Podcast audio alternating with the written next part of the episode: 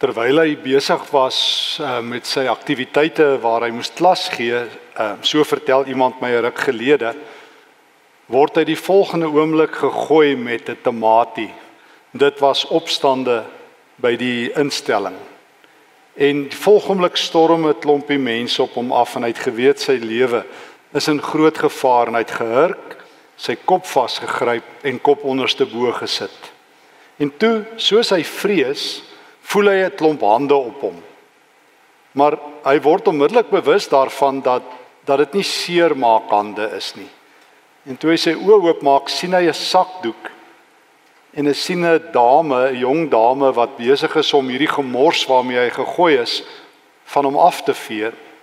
En toe hy weer kyk, sit 'n klomp jong dames rondom hom in so 'n sirkel. En hulle het hom beskerm. Na die tyd vra hy vir die een dametjie, "Hoekom het hulle dit gedoen?" Toe sê sy, "You know, sir, Jesus told us to protect you." Hy vertel vir my hy het vir die eerste keer weer opnuut verstaan. Liefde maak nie seer nie. Liefde beskerm. En dit is wat ons aan mekaar verskuldig is. Liefde maak nie seer nie. Liefde beskerm. En van skuld gepraat, ons almal weet van skuld. Meeste mense skuld geld vir iemand anders. Regering skuld dit, kerke skuld dit, besighede skuld dit, jy en ek skuld dit. Ons het huisverbande, ons het motors, ons het uh, jy noem dit en ons is in die skuld daarmee. Ons moet afbetaal. Maar dan is daar ook wat ek wil noem godsdienstige skuld. En reg deur die eeue sien mense dit dat mense in die skuld is by hulle gode.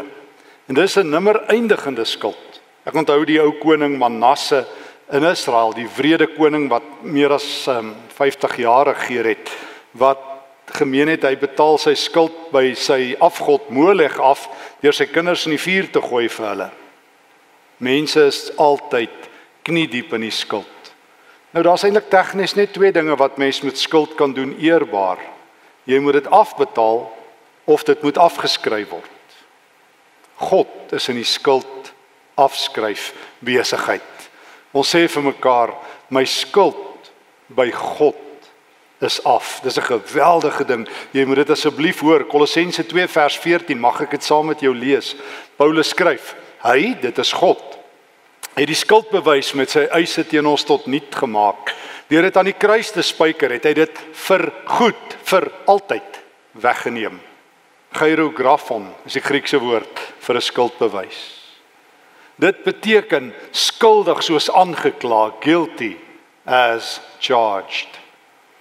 En dis wat godsdienst dikwels doen. Godsdienst laai skuld en skuld en skuld van die gode se kant, van God se kant af. Jesus weier. Hy sê genoeg. Ek maak skuld klaar. Dis afbetaal, sê God, sê Jesus. Maak nie saak wat mense sê, dink of glo nie. Dis afbetaal. Daarom geld Romeine 5 vers 1. Daar is nou vrede tussen God en ons.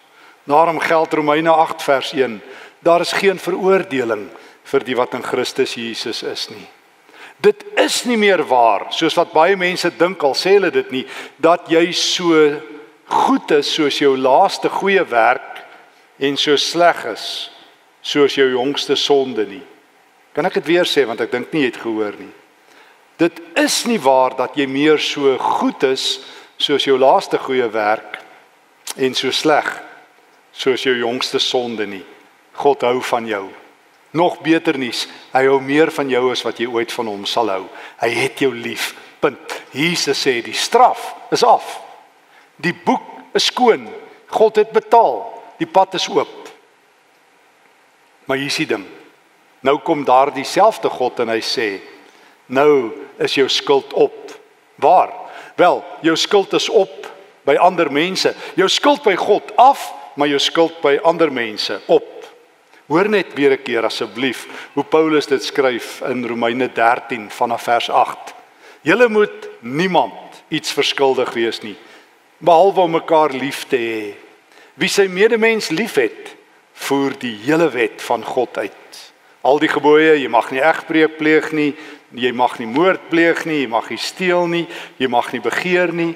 Of watter ander gebod daar ook al is, word immers in hierdie een gebod saamgevat. Jy moet jou naaste lief hê soos jouself. Die liefde is hoor net hierdie woorde, luister mooi. Die liefde doen die naaste geen kwaad aan nie. Paulus sê jy skuld, maar jy skuld net een ding vir mense, liefde. Nee, hy sê nie daardeur jy hoef nie jou geldelike skuld af te betaal nie. Hy sê jy het relasionele verhoudingsskuld. Jy skuld mense liefde. Nou tot nou toe nog tot vandag toe het ek nog nooit gehoor dat iemand vir my sê Stefan ek skuld jou liefde nie. Laat ek nou maar nie te vroom wees nie. Ek het dit ook nog nooit vir iemand gesê nie. En dalk het jy ook nie. So ons is almal eweveel in die moeilikheid. Die Here sê, jy skuld mense liefde. Vir God skuld jy niks. God het vir jou alles afbetaal. Maar jy skuld liefde. En dit is die volle wet. Nou in die Ou Testament praat die praat die Bybel nog so 'n bietjie binnesmonds oor naaste liefde. Tegnies is daar net een vers in die hele Ou Testament wat 'n eksplisiete opdrag het. Jy moet jou naaste lief hê, daar in Levitikus 19. Maar dit vat Jesus om vir ons te sê dat die hele Bybel al die gebooie word saamgevat in een woord: liefde. In ons taal gesê, Jesus gee lyf aan liefde. Jesus gee woorde aan liefde. Kom ons lees 'n bietjie saam met 1 Johannes 4. Hoe gee Jesus lyf aan liefde? Werklike liefde is dit. Nie die liefde wat ons vir God het nie, maar die liefde wat hy aan ons bewys het deur sy seun te stuur as verzoening vir ons sondes. Geliefdes, as dit is hoe God ons sy liefde aan ons bewys het, dan behoort ons mekaar ook lief te hê, liefde hê. Liefde 'n lyf. Liefde gee. Jesus gee homself, sy eie liggaam aan die kruis word die brug hemel toe en terug. Liefde is nie net 'n getuienis, is nie net 'n mooi woorde. Is nie net 'n kerskaartjie wat sê, "Onthou ouens, die Here het ons lief nie." Jesus wys liefde.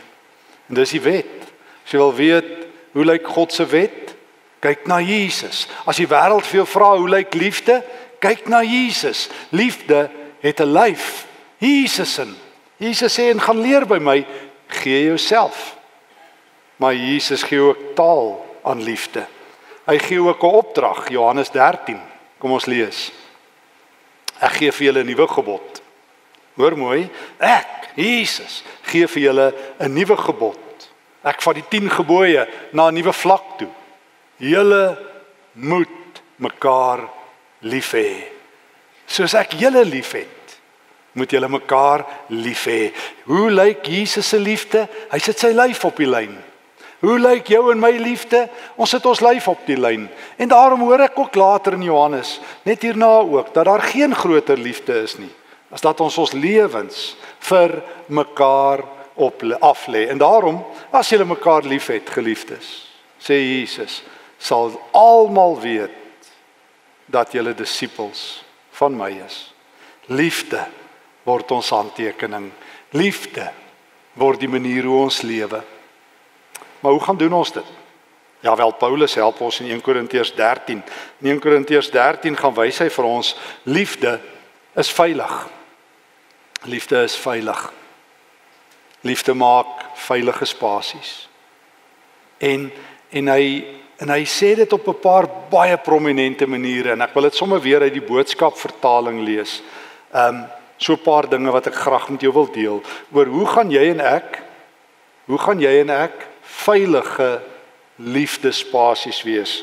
Eerstens, wil Paulus vir ons sê in 1 Korintiërs 13 vers 4 uit die boodskap liefde maak jou nie bang vir my nie. Kom ek lees. Om ander lief te hê beteken om niemand ooit sleg te behandel wat jou irriteer nie. Om altyd alle mense so te hanteer dat hulle graag by jou wil wees sonder om bang te wees.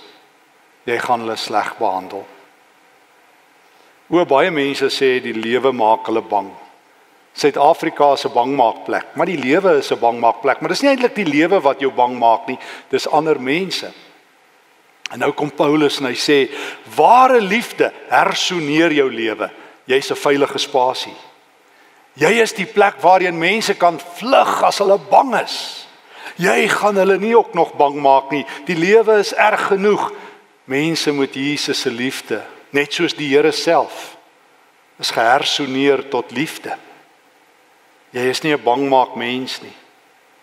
Hoe ek ken baie mense wat bang gemaak word deur ander mense naby aan hulle, kinders deur hulle ouers, huweliksmaats deur hulle huweliksgenote, families deur families. So baie mense is bang. So baie mense sit in die kerke en dan is hulle nog steeds dreigende mense. Kom leer by Jesus. Liefde maak dat jy nie bang maak nie. Liefde hersoneer my. Liefde maak dat as jy in my geselskap is, gaan jy nie bang wees ek gaan jou seermaak, uithaal en jou lewe swaarder maak nie. En daarom behoort alle gelowiges hawens te wees. Mense wat in die storms ronddobber, behoort in die hawe skuilings te kry, want hulle behoort te weet daar is 'n kind van die Here, daar is 'n kind van die Here. Hulle skyn soos ligte in die donker. Hulle is veilige plekke, bakens van hoop. Paulus sê 'n tweede ding in ja, 1 Korintiërs 13 vers 4. Liefde maak spasie vir jou. Kom ek lees dit. Liefde is om ander mense dit wat hulle het of kry te gun sonder om lelik met hulle te wees. Ehm uh, as hulle dinge het wat jy nie het nie. Jaloesie moet ander woorde. Liefde maak spasie. Ek onthou my kollega by die Universiteit van Pretoria, Jan van der Walt, vertel 'n klompie jare gelede vir my dat hy ergens by 'n klomp geestelike leiers praat. Na die tyd sit ek en Jan in kuier en ek vra vir hom, "Hoe was dit?" Hy sê nee, almal het nie ingepas nie. Ek sê, "Sjoe, was daar so baie geestelike leiers?" Hy sê, "Nee, nee, almal het ingepas. Daar was net nie plek vir hulle egos nie. Dit het moes buite bly." Partykeer geliefdes, is ons so vol van onsself dat ons net plek het vir ons eie ego vir ons eie pyn, vir ons eie verbitterdheid, vir ons eie swaar kry. Veral mense wat baie keer seer het, kan so seer hê dat hulle nie eens raak sien ander rondom hulle bloei ook nie. Maar liefde maak spasie vir jou. In my hart as ek die Here liefhet, gaan ek ruimte hê om jou ook lief te hê, want dis wat Jesus vra. Op my skouers gaan daar staan plek wees Want dis wat die Here vra in Galasiërs 6, as jy liefhet, dra mekaar se laste. So daar gaan plek wees dat ek jou op my skouers kan tel sodat jy God beter kan sien. Dis wat die liefde doen, sê Paulus. So ek gaan spasie hê vir jou in my lewe. Ek vat nie al die spasie nie, ek vat nie al die suurstof nie. Ek vat nie al die seëning nie. Juis is ek daar om lief te hê, om te deel sodat jy nie net veilig voel nie, maar sodat jy suurstof het, God se suurstof, sodat jy weer in jou harde lewe 'n bietjie kan opkyk. O, is dit idealisties? Verseker. Iemand sê nou eendag vir my, dis nie so maklik nie. Ek sê ek weet, dan het almal lief gehad. Die wêreld hardloop op haat en op selfsug en op eie belange en op hoogmoed en op trots en dan kom Jesus en sê ek het gekom om lief te hê. Julle moet mekaar lief hê soos ek julle liefhet want by my is jy veilig. By my het jy spasie. Derdens, 'n derde kenmerk wat Paulus daai 1 Korintiërs 13 haal in vers 5.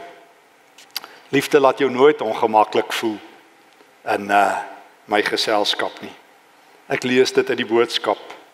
Liefde maak dat jy nooit ongeskik sal wees nie, maar jou so sal gedra dat ander nie ongemaklik voel nie. Nou dis een ding om vir mense bang te wees, maar dan sal sulke mense, die Engelse sê hulle is creepy. Voel jy hulle hulle jou nekhare staan so op as jy naby hulle is. Hulle jy voel net ongemaklik. Wel die liefde maak dat niemand ooit so voel nie. Want mense wat die Here se liefde het, is juis besig om vir aanhouens ruimte en spasie te skep. Wat ek wil noem lollipop moments. Kom ek vertel. Kyk 'n ruk gelede na 'n video uh, op TED uh, waar uh, Drew Dudley vertel hy dat by 'n Kanadese universiteit was hy een van die administratiewe amptenare en dit was sy werk om die eerstejaars studente te help met hulle inskrywings en gemaklik te maak ensovoorts. En die eendag besluit hy toe al die eerstejaars daar is, toe hulle inskryf, hy gaan sommer net so in die ry afloop en vir mense links en regs lollipops uitdeel, suikstokkies. En hy kom staan by hierdie een ou wat so bietjie ehm um, ongemaklik, awkward lyk. Like, En daar staan hierdie meisie student langs hom en hy vat 'n suigstokkie en hy gee vir die ou hy sê gee asseblief vir hierdie suigstokkie vir die dame langs jou. Hy sê maar die man is so verlee, hy word so bloedrooi en hy maak net so en hy sê de en hy kyk so hier voor hom. En toe hierdie meisie die suigstokkie vat, toe kyk hy vir haar ouers wat nou weer langs haar staan. Hy sê, "Look at that. Scarcely out of home and she's already taking candy from strangers." En daar bars almal van die lag uit. Maar net hy geweet dat daai jong meisie ook op die punt was om op te gee want sy was ewe ongemaklik, maar hy het nie daarvan onthou nie. En 'n jaar later vertel Drew het hy 'n verplasing gekry of 'n ander werk en uit die blou tyd kom 'n dame na hom toe en sê Jy het my lewe verander. Hy sê doing what? Hy sê do you remember handing out lollipops? Hy sê en sy vertel vir hom hierdie einste storie. Hy sê en hy kan niks daarvan onthou nie en sy sê you changed my life. Sy vertel sy gaan nog steeds uit met hierdie ouetjie en hulle is toe getroud en hy het 'n uitnodiging na die huwelik toe gekry. Hy sê hy kan niks daarvan onthou nie. Die belangrikste oomblik in sy lewe waar hy iemand se lewe vir altyd verander het deur vir hulle sy stokkie te gee. Maar dis wat die liefde maak. Ek onthou op 'n keer in Amerika toe ek daar ietsie moes doen, sien ek hierdie advertensie wat my so aangegryp het van 'n oliemaatskappy, motoroliemaatskappy Jiffy Lube. Met hierdie slagspreuk: We do not want to change the world, we just want to change your oil. Dit het my lewe verander, want ek wil ook altyd die wêreld verander het, maar ek het agterkom my skouers is te smal, maar kan dalk een iemand se lewensolie verander. Ek kan dalk vir een iemand 'n lollipop moment skep. Ek kan dalk vir een iemand die hemel laat sien. En dit vra liefde. Dit vra dat dat ek 'n veilige sone is waar mense nie meer bang is nie. Dit vra dat ek 'n spasie skep sone is waar daar plek is vir ander mense, ruimte. Dit vra dat mense nie ongemaklik voel by my nie. My enigste toets daarvoor is wanneer laas het iemand jou vertrou? Wanneer laas het iemand hulle harte met jou gedeel? Hoeveel vriende het jy? Dit sal bepaal hoe veilig mense jou beskou en hoe betroubaar jy is met die liefde. Want dis wat God van ons vra. Vierdens. Liefde maak um, my vergeetagtig. Liefde maak my vergeetagtig wat jou foute betref. O, meeste mense sê hulle is vergeetagtig. Die Bybel vra kom na 'n nuwe vlak toe. Dit's maklik om te vertel. Jy weet ek raak nou vergeetagtig. Wat God vra, raak vergeetagtig wat ander mense se foute betref. Dan vergeet jy goed. Dan vergeet jy goed. Want lyk vir my daaroor raak ons nooit vergeetagtig nie. Ek sien nou eendag iemand wat 80 is, hulle onthou nog pretty goed al almal se foute rondom hulle. Sê ek nie hulle lê glad nie aan geheue verlies nie. Maar wat jy moet vergeet, is ander mense se foute. Die boodskap sê Die liefde maak dat ek nie elke liewe dingetjie wat iemand verkeerd doen teen hulle hou sodat ek hulle kan terugkry nie. Ja, ek vergewe, maar ek vergeet nie. Die Here sê jy moet albei doen. Want dis wat Jesus doen. Hy het jou sondes lig gegee. God lei aan amnesia moet oor sondes wat bely is. Die hemel werk nie soos die cloud van Google waar alles gestoor word nie. Daai stoor is leeg as jy dit bely het. God kan nie onthou nie. Hy sê dit. Hy ly aan geheue verlies as jy jou goeders bely het vir hom. Nou doen dit aan mense. Doen wat God doen. Hou 'n bietjie op onthou. Raak 'n bietjie vergeetagtig. Vyftens skryf Paulus. Die liefde maak my bly oor alles wat goed is in jou lewe wat God doen. Ek lees vers 6. Net so sal die liefde altyd net bly wees oor wat regtig gebeur soos wat God dit bedoel het. Mense wat liefhet, raak fynkenners van die mooi dinge wat God in ander mense se lewens doen. O, meeste mense wat ek ken, onthou al die slegte dinge. Kom maar net môre by die werk, dan vertel jy ons weer vir jou die heel nuutste moeilikheid van die afgelope naweek. Maar wanneer die Here met sy liefde in jou lewe is, is jy 'n konnoisseur van mooi dinge. Ek wonder baie keer hoekom onthou min mense die kerk met mooi en goed. Die kerk is mostly forgettable.